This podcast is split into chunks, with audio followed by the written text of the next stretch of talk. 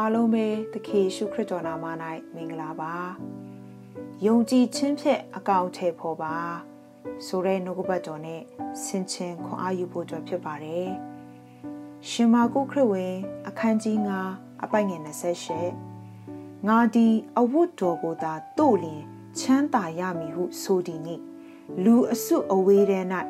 နောက်တော်သို့လာ၍အဝတ်တော်ကိုတို့လေ၏ဒီကျမ်းပိုက်မှာ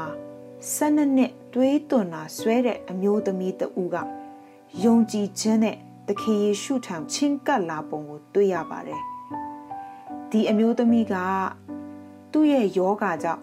ငွေကြေးဥစ္စာရှိရှိသမျှအားလုံးကုန်အောင်ကုသပေမဲ့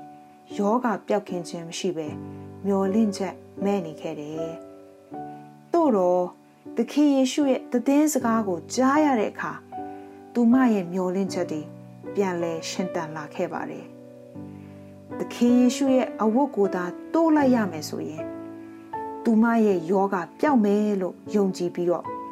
သူ့ရဲ့အခြေအနေကြောင့်ကြုံတွေ့လာရမယ်အသားအစီးအခက်အခဲတွေကိုမမှုပဲ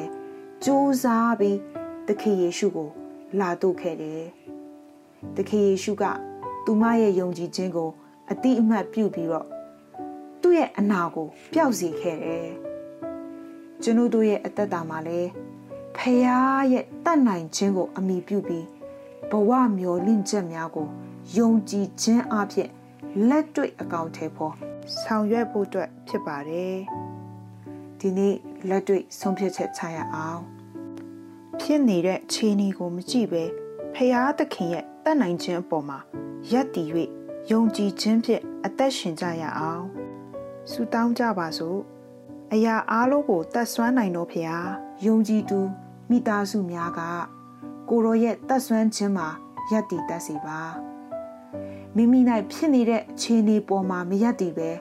ယုံကြည်ခြင်းအဖြစ်အသက်ရှင်တတ်တော်သူများဖြစ်စေပါဂျေဇုရှင်အဖဖရာကျွန်ုပ်ကိုကိုရောရဲ့သက်ဆွမ်းနိုင်ခြင်းထဲမှာရက်တည်တတ်စေပါကိုရောပဲ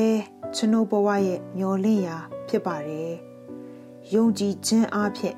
အသားအစီးများကိုကြော်လွားတတ်စေပါသခင်ယေရှုနာမ၌